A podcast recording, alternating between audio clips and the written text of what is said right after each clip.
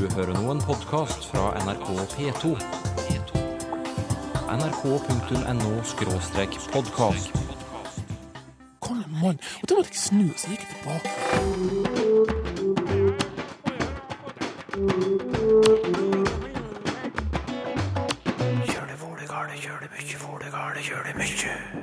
Hvorfor har noen språk vanskeligere grammatikk enn andre språk? Hvis et språk får lov til å være i fred, så vil det utvikle det her kompliserte og komplekse grammatikken. Samisk skole får norskspråklig skole som nabo. Hva skjer med samisken da? Der hvor flerparten vil snakke norsk, der snakkes det norsk. Og sånn er det en gang i den samiske verden. Jeg tror ikke at man skal, man skal holdt på å si svartmale det. Se på dette lytterspørsmålet, Sylfest Lomheim. Hvor kommer ordet hemmelig fra? Ja, og det er veldig eh, interessant, det. Ja, ikke sant? Har det for eksempel noe med hjem eller heim å gjøre? Nei, si det. Og det har det faktisk. Ja, men Ikke avslør alt nå, da. Spar litt til siden. Og nå grammatikk. Hvorfor har noen språk så komplisert grammatikk? Det er Bernard Laverton som skriver og spør.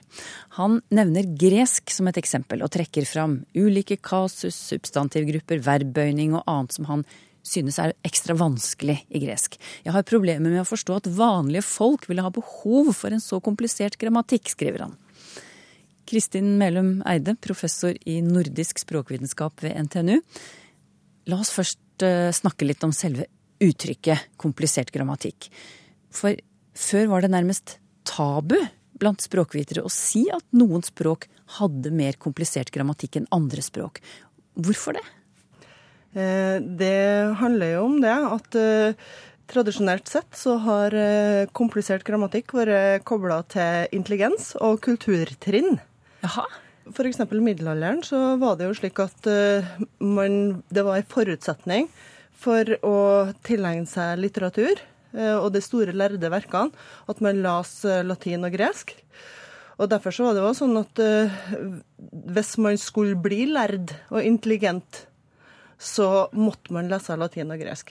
Og, og i det lå det det at det var veldig mange som ikke klarte å tilegne seg vanlige folk. De klarte ikke å tilegne seg latin og gresk. Og dermed så fikk man en kobling da, mellom eh, intelligens, kulturnivå og det, det å beherske latin og klassisk gresk. Enkle folk har behov for en enkel grammatikk. Lærde folk trenger en lærd grammatikk. Og så begynte man å oppdage f.eks. i Papua Ny-Guinea, de er oppdagelsesreisende. Eh, De reiste og så de sånne stammer i jungelen som lever på steinaldernivå. Og oppdager at de her folkene de har en utrolig komplisert grammatikk. Det er nesten ikke til å forstå hvor mye endinger og kasusbøyinger og animathet og definitet altså, det, Jeg kan ramse opp og ramse opp, men poenget er ekstremt kompliserte grammatikker for folk som befinner seg på stein- steinaldernivå. Hvordan forklarer man det da? Jo, da må man jo snu litt på forklaringa igjen. Sånn at i, I mellomkrigstida så finner man eh, ofte forklaringer som går på det at eh, hvis vi ser på gamle språk, ur, eh, eh, f.eks., urgermansk, så er de òg veldig komplisert. Men språkene våre har utvikla seg i tråd med vår evne til abstrakt tenkning. Så Alf Som- Sommerfelt, f.eks., en veldig berømt norsk eh, språkforsker, han sa det at du kan se på dess lavere kulturtrinn en stamme står på, et folkeslag, dess eh, vanskeligere grammatikk har de. Og det er fordi at de har ikke evne til å tenke abstrakt, sånn som det vi har. Med engelsk som det aller største forbildet. Den største kolonimakta som har kommet lengst i kulturtrinn, og som da evne, Du trenger ikke ha alle de her språklige uttrykkene for ting, fordi at du evner å lage abstrakte eh, relasjoner mellom det språklige uttrykket og det, det som den tingen står for. Da. Det som uttrykket står for. Men, men hvordan er synet på enkel og komplisert grammatikk i dag? Det, du, du vet jo det at i vitenskapen, som i resten av samfunnet, så er det veldig ofte sånn at eh, ting, pendelen svinger. Sånn at ifra at man tenkte at eh, komplisert grammatikk betyr en enkel sjel, som da var i mellomkrigstida, så utvikla seg en ny en, en sånn doktrine som sa at nei, det er faktisk sånn at alle språk er akkurat like komplisert. Sånn at eh, hvis at man sammenligner uh, kinesisk, har en ekstremt enkel grammatikk, men det tar det igjen f.eks. på det at det har toner. Og toner har vi litt i norsk òg. Vi har forskjell på loven og loven, og bønder og bønder. Og i, da kan du si at i norsk så har vi to forskjellige toner, men i kinesisk så har de fire og delvis fem. Da har man evidens for det at når språket er enkelt på et område, så er det tilsvarende komplekst på et annet område. Sånn at summen man kommer ut med, er akkurat lik, fordi at alle mennesker av alle folkeslag er akkurat like intelligente, og derfor så må de ha en nøyaktig like komplisert grammatikk. Så det opp til nå i det siste, så er det det som har vært doktrina igjen. Ja, Men hvordan er det i dag? Hvordan forklarer vi i dag at noen språk har mer komplisert grammatikk enn andre språk? Nå, Det er jo bestandig sånn at man har eh, konkurrerende teorier på det her. Men det som er, den teorien som driver vekst fram nå, det er det at unge språk har en enkel grammatikk. Sånn at eh, eh, det her med kasussendinger og alle slags mulige bøyingssendinger, det er noe som vokser fram i et språk over tid. Sånn at eh, nyoppståtte språk, f.eks. kreolspråk, og det her er typisk språk som oppstår i si f.eks.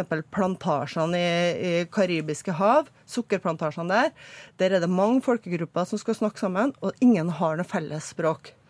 Og da oppstår det et sånt litt sånn eh, rudimentært eh, kontaktspråk som man kaller for pidgin som, som ikke har noe særlig grammatikk. Det er liksom bare ord som er lenka sammen. Men uh, ungene som vokser opp i det miljøet her, de bruker det her pidgin-språket til input, og så lager hjernen deres en grammatikk. Og da, Det er det som kalles for kreolisering. Og da kommer du ut med et kreolspråk. Og det her kreolspråket er kjennetegna at det er veldig mye enklere enn annet språk. Så et ungt språk har typisk veldig enkel grammatikk, og så får det mer komplisert grammatikk etter hvert. Men hva, hva er det som gjør at noen språk har så vanskelig grammatikk, da? Ja, mye mer komplisert? Det er typisk sånn at Hvis man har fått uh, lov til å ha det her språket for seg sjøl, og ei folkegruppe, en stamme, har fått lov til å leve i relativ isolasjon over mange hundre år, så vil det vokse fram sånne utvekster som bare er spesielt for det her språket her. Et veldig nærliggende eksempel å trekke frem da, det er jo islandsk. For hvis vi sammenligner norsk og dansk og svensk, fastlandsskandinavisk med islandsk, så ser vi det at uh, islandsk har bevart veldig mange flere av de her språklige utvekstene som eh, vi òg hadde alle sammen i gammelnorsk og i fornsvenska. Men, eh, men vi har mista og liksom skala av veldig mange av de her eh, endingene. Og det handler om at Israel skal være mye mer isolert som språksamfunn enn det vi har vært i Skandinavia, i fastlandsskandinavia. Så for å oppsummere litt nå. Eh, altså et språk med en relativt enkel grammatikk, det kan være et ganske nytt språk. Og et språk som eh, folk fra forskjellige hold på en måte har skapt sammen, da, med, med forskjellig språklig bakgrunn. Mens et språk med en komplisert grammatikk, det har kanskje vært isolert, som en øy, som Island f.eks. Det har et skriftspråk. Eh, Du sa en ting til òg, var det?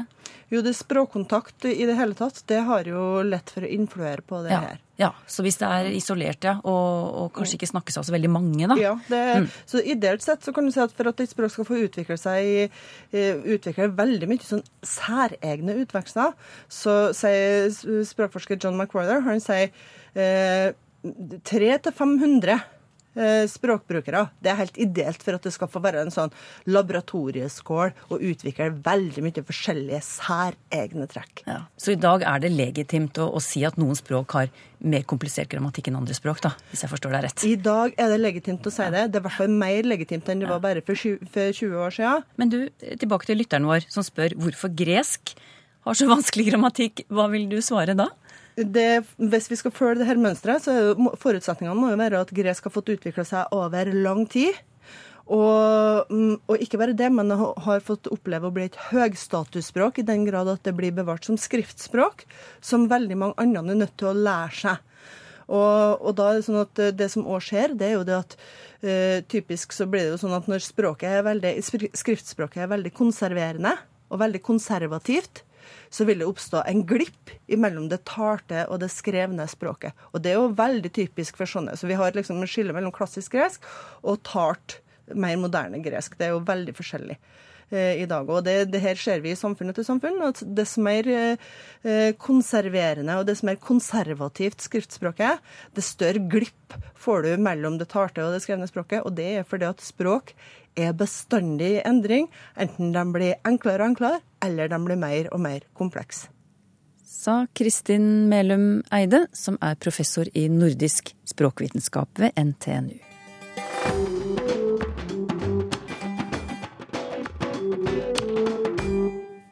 Kan plasseringen av en skole ødelegge et språkmiljø?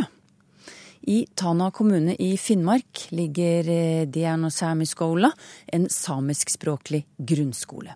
Her går det rundt 70 elever med samisk som førstespråk. Snart får de nye naboer, for litt lenger bort ligger idrettshallen, og nå skal den bygges ut for å huse en ny norskspråklig skole. Den skal hete sentrumsskole og få rundt 150 elever med norsk som førstespråk. Og disse skoleplanene har skapt motstand og språkdebatt i Tana. En av kritikerne er Solbjørg Ravna, som underviser ved den samiskspråklige skolen. Solbjørg Ravna, du ønsker ikke at en norskspråklig skole skal legges så nært skolen din. Hvorfor ikke? Grunnen til det er jo faktisk det at uh, tilgangen til samiskspråklige arenaer, den er meget begrensa her i uh, Tana.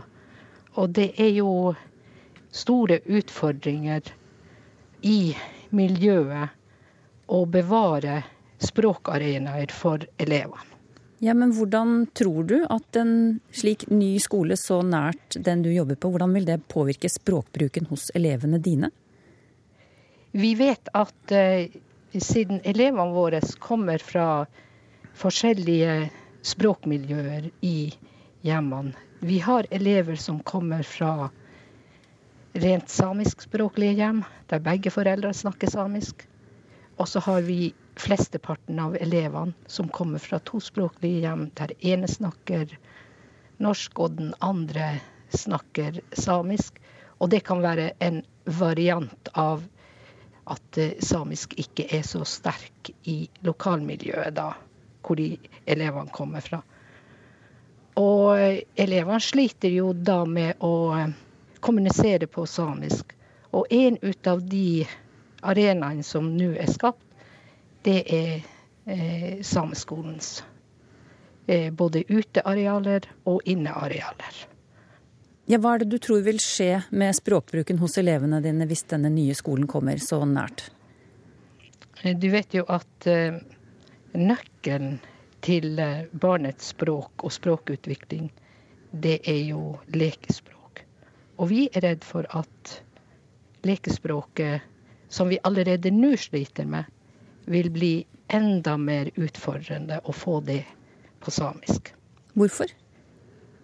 Det er nå engang sånn at eh, minoritetsspråklige barn er tospråklige. Og barn tenker de tenker veldig rasjonelt når de skal velge lekespråk eller kommunikasjonsspråk. Og det her går jo ut på at da vil barn velge det som vil falle seg naturlig. Der hvor flerparten vil snakke norsk, der snakkes det norsk. Og sånn er det en gang i den samiske verden.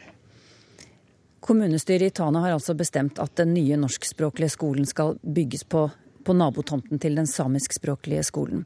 Varaordfører Hartvig Hansen fra Felleslista, du tror ikke det vil være til skade for det samiske språket i dette miljøet. Hvorfor deler ikke du Solbjørg Ravnas bekymring?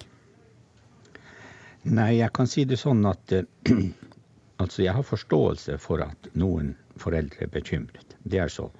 Men jeg personlig er ikke bekymret. Og jeg ser ikke den problematikken, men jeg har sjøl en argumentasjon for hvorfor jeg ikke tror at språkene vil bli forringet. Jeg tror heller at de kan være med på å styrke og hjelpe hverandre. for det har hun jo sjøl opplevd. Ja, hva, unnskyld at jeg avbryter deg, men hvordan kan det styrke det samiske språkmiljøet som allerede er der, at det kommer norskspråklige elever rett ved siden av? Nei, det som er situasjonen i Tana, er jo selvfølgelig helt annen enn den som er i Kautokeino, og den som er i Nesseby, og den som er i Karasjok. Jeg vil si at elevene ved Dianos Hemskola, de har det som plommen i egg. De har egen skolebygning over eget tak. De bestemmer alt der inne sjøl, både lærerne og elevene. Og jeg vil ikke minst nevne de to barnehagene vi har, som er midt i sentrum. Ja, men nå var, unnskyld, nå var spørsmålet mitt hvordan vil det tjene de samiskspråklige elevene at det kommer norsk, en norskspråklig skole rett ved siden av? Tjene eller ikke tjene, det vil ikke være med på å forringe. For de har sitt eget opplegg, og de skolene er ikke ved siden av hverandre. Derfor nevner jeg bl.a. Nesseby, Karasjok og Kautokeino. De har alle den situasjonen. Der går alle elever under samme tak, både norskspråklig og samiskspråklig. Så spør vi ja, hvordan skal de da lære seg samisk? Det viser seg at det holder ikke stikk. Men hvis vi, hvis, vi ser, hvis vi ser for oss at elevene fra disse to skolene da, eh, møtes i skoletiden, i friminutt f.eks., hvilket språk tror du de kommer til å snakke sammen på? Ja, det er opp til de elevene selv. Men hva tror du? Noen ganger vil man velge norsk, noen ganger vil man velge samisk. Og som regel når det er samisktalende som leker for seg sjøl, og det gjør den vanligvis for seg sjøl på samisk. Så jeg kan jo da ta det eksempelet. Når jeg gikk, kom til, til ungdomsskolen i Seida, der var jo bare norskundervisning vi fikk, og vi fikk lov til å bruke nærmest bare norsk i friminutten. Men likevel, når vi samiske elever samla oss, og vi som kunne samisk sånn, så snakka vi samisk seg imellom når vi kunne det. Og når vi ikke kunne det, så snakka vi norsk. Og vi har ikke, jeg føler ikke at vi har vært skadelidende med Ja. at vi har fått lære norsk òg. Solbjørg Ravna, eh, hvordan reagerer du på argumentene fra varaordføreren? Ja, det er jo tross alt 50 år siden han har gått på eh, Tana ungdomsskole. Det var en helt annen tid. Samisken var, eh, var muntlig sterk i befolkninga, men vi er ikke i den situasjonen nå. Man må ikke forstå det dit hen at vi er imot denne sentrumsskolen, men at den skal komme helt inn til den samiske språkarenaen eh, det vil skape unødvendige utfordringer. Hvilke konsekvenser vil det ha? Det er 30 års systematisk pedagogisk språkarbeid for samer som minoriteter som er utført i Tana. Og så vil man prøve å, å ta en så stor sjanse som at man vil ødelegge språkarenaen. Varaordfører Hartvig Hansen, vi hører Solbjørg Ravna her si at eh, i flere tiår har man bygget opp det samiske språket. På den samiskspråklige skolen har barn og unge fått en arena der de kan snakke samisk. Nå er hun redd for at dette skal ødelegges. Hva sier du til det? Jeg kan først si det at Dianos skole ved Tanabru er ca. ti år. Man hadde nylig en tiårsfeiring. Og det som har vært bygd opp tidligere av samisk språk, derfor sier jeg, og jeg vil fortsatt påstå og hevde det, at samisk språk forsvinner ikke om det kommer f.eks. en ny skole. Jeg tror det vil bli også en fordel for de elevene som er på sentrumsskole, for dem vil lettere kunne ha miljø til å eventuelt være på besøk på sameskolen hvor alt foregår på samisk. Den vil bli styrka i sin andrespråksopplæring. Så jeg tror ikke at man skal, man skal holdt på å si svartmale det og gjøre det verst tenkelige ut av den løsninga. Jeg har faktisk veldig stor tro på at det her skal gå bra. Og jeg vil òg påpeke at det er en fordel også for de samisktalende barna at de lærer seg norsk veldig godt. Eh, akkurat det der siste, at de lærer seg norsk veldig godt. Det er faktisk sånn at eh, elevene på Dianos skole de er tospråklige. Og eh, de kan norsk veldig, veldig godt. Så at eh, å komme og si at samskolens elever ikke kan norsk, det er provoserende. Jeg sa ikke at sameskolens elever ikke kan norsk. Jeg sier det er en fordel at de har god norsk språkføring. Uansett hva språk sameskolens elever lærer, Dianos sameskolens elever, om det er engelsk eller norsk eller matematikk. Fordi er det, noen som, eh, er det noen som behersker flere språk, så er det faktisk dem. Men en annen ting er Jeg setter jo veldig pris på at, eh, at varaordføreren har tro på sameskolen. Men det hadde ikke gjort noe om skolen hadde vært et par hundre meter lenger unna. Det ønsket kom fra Solbjørg Ravna, lærer ved Diano Samiskola, den samiskspråklige skolen i Tana. Det hørte også varaordfører i Tana, Hartvig Hansen.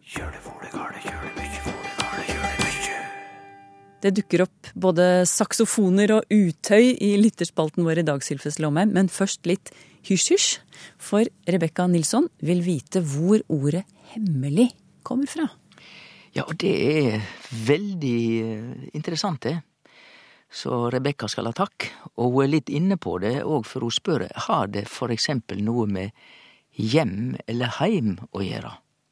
Og det har det faktisk. På tysk så er det Ordet for hemmelig er geheimnis. Og dette skriver seg fra ei gammal forestilling og ein bruk at heimiliger på gammalnorsk, det er da privat. Der har ikke du innsikt. Så hemmelig, det er i grunnen det som er privat, der ikke andre har innsyn. I heimen. Hvor kommer ordet kyst fra, spør Tor Arnesen. Det må vel være et av de eldste ordene i språket vårt, så grunnleggende som kysten har vært for mennesket? Ja, det kan du si, og vi skulle jo tru at ordet kyst, med vårt land som har Europas lengste kyst, at det må vel være skikkelig norsk eller germansk ord. Men det er det altså ikke. Hvis vi går til fransk, så heiter det kåt. C-O med møne over og T-E. Og det møne indikerer i fransk ord at det er en S som har vore der, og den S-en ser vi faktisk med en gang vi går til engelsk. Coast. Og vi ser han også i det norske ordet kyst. Men da skjønner vi at uh, dette ordet for kyst, det er nærast felleseuropeisk. Det, det samme ordet blir brukt over hele Europa, og utgangspunktet er det latinske ordet costa, C-O-S-T-A, og det betyr rett og slett ei side, faktisk så konkret som sidebeinet eller ribbein. Et spørsmål fra Christian Grønning nå.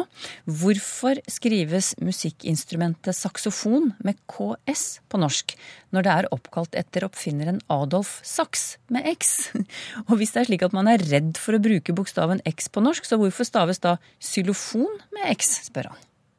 Ja, dette er et spørsmål fra Christian Grønning som jeg har veldig sansen for. Jeg forstår han rett og slett. Grunnen til at vi skriver saksofon med KS, er at slik har ordet vårt skrevet siden ut på 1900-tallet, altså krigen, etter krigen og framover, har det bare vært med KS, saksofon. Og det er jo fordi at når vi sier X, så skriver vi KS stort sett på norsk. Det er den banale forklaringa, rett og slett. Men vi pleier jo faktisk respektere oppfinneren eller den personen som har komme med et nytt produkt. Og i dette tilfellet så heiter han altså Adolf Sachs med X, så det er gode grunner til at det burde ha vært X, og jeg er heilt sikker på at hvis dette instrumentet hadde kommet inn i norsk språk nå, så ville det måtte skrives med X, altså. Morten Jøldal forteller at han undertegnet en leiekontrakt for noen butikklokaler, og i denne kontrakten så var det bestemmelser knyttet til utøy. Vi oppfatter gjerne lus og lopper og andre ulumskheter som utøy, skriver han. Men hvorfor dette ordet, utøy? Ja, for ordet tøy er et interessant ord, og et ord som ikke er lett å få tak på. Og grunnen til det er jo at den gamle eh, tyinga til dette ordet tøy, som òg finst i tysk tøyg, det er rett og slett vesen eller en ting eller et fenomen, altså noe veldig litt uspesifikt. Og derfor har vi verktøy, det er jo reiskap, og vi har seletøy, som er på hesten, og vi har fartøy, det er det fenomenet som fer av gårde, altså noe å fare med. Og så har vi utøy, og det betyr da noe som er u, altså som vi ikke liker, en uting. Så utøy betyr omtrent det samme som en uting. Odd Martin Valle satt en kveld og leste om Magnus Lagabøter og innføringen av landsloven i 1274. Og så kom han over ordet mannhelg og lurte fælt på hva det kunne bety. Og så lurer han da også på hva ordet helg egentlig betyr. Ja, og det er faktisk samme ord. Men det er ikke så lett å forstå. Helg, altså når vi ikke arbeider. Eh, søndag, til dømes. Det er jo en helgedag. Og helg og helgedag skriv seg rett og slett fra ordet heilag. Ein helgedag er en heilag dag, og det er derfor òg at mannsnamnet Helge, det er den heilage. Og det samme ordet vi har i den gamle lovteksten eh, til Magnus Lagerbøte, der det står om mannhelg, det høres jo veldig rart ut, for i den sammenhengen så er det tydelig at mannen skal ha et vern. Han skal være sikker på at han er beskytta. Så mannhelg betyr at mannen har et rettsvern. Og da skal vi tenke på at hvis du har et vern, så er du ukrenkelig. Og det som er heilagt, det er også ukrenkelig. Så difor er mannhelg og ordet helg Der har me samme ordet. Holger Ludvigsen og Anja Svartberg lurer på hvor uttrykket 'i grevens tid' kommer fra. For det første, å komme i grevens tid i dagens norsk betyr å komme tidsnok, altså det var bra, nå kom du. Du kom i grevens tid. Men uttrykket grevens tid går tilbake til 1500-tallet i dansk historie, og der var det en en strid eller en liten krig som het Grevefeiden. Og den greven det dreier seg om, var grev Kristoffer av Oldenburg. Og eh, den grevens tid på den tida var egentlig ikke spesielt hyggelig. Det var det motsette av hyggelig. Det var, det var ille. Det var i strid mellom hanseater og, og dansker, dette her. Så fra å være et litt uhyggelig uttrykk å komme i grevens tid, så har det blitt i moderne norsk til et ord som er hyggelig å seie. Det å komme i grevens tid. Har du spørsmål til Språkteigen? Skriv til Teigen, krøllalfa nrk.no, eller til Språkteigen, NRK P2, 7005, Trondheim. Så finner du oss også på Twitter og på Facebook. Hvilket språk er lettest å lære for nordmenn? Det er ikke engelsk, men dette. Ik, ik zing eigenlijk het liefst in het Nederlands, weet u. Kijk eens, tenslotte wonen we in Nederland. En waarom zou je de mensen. Språkteigen om en uke.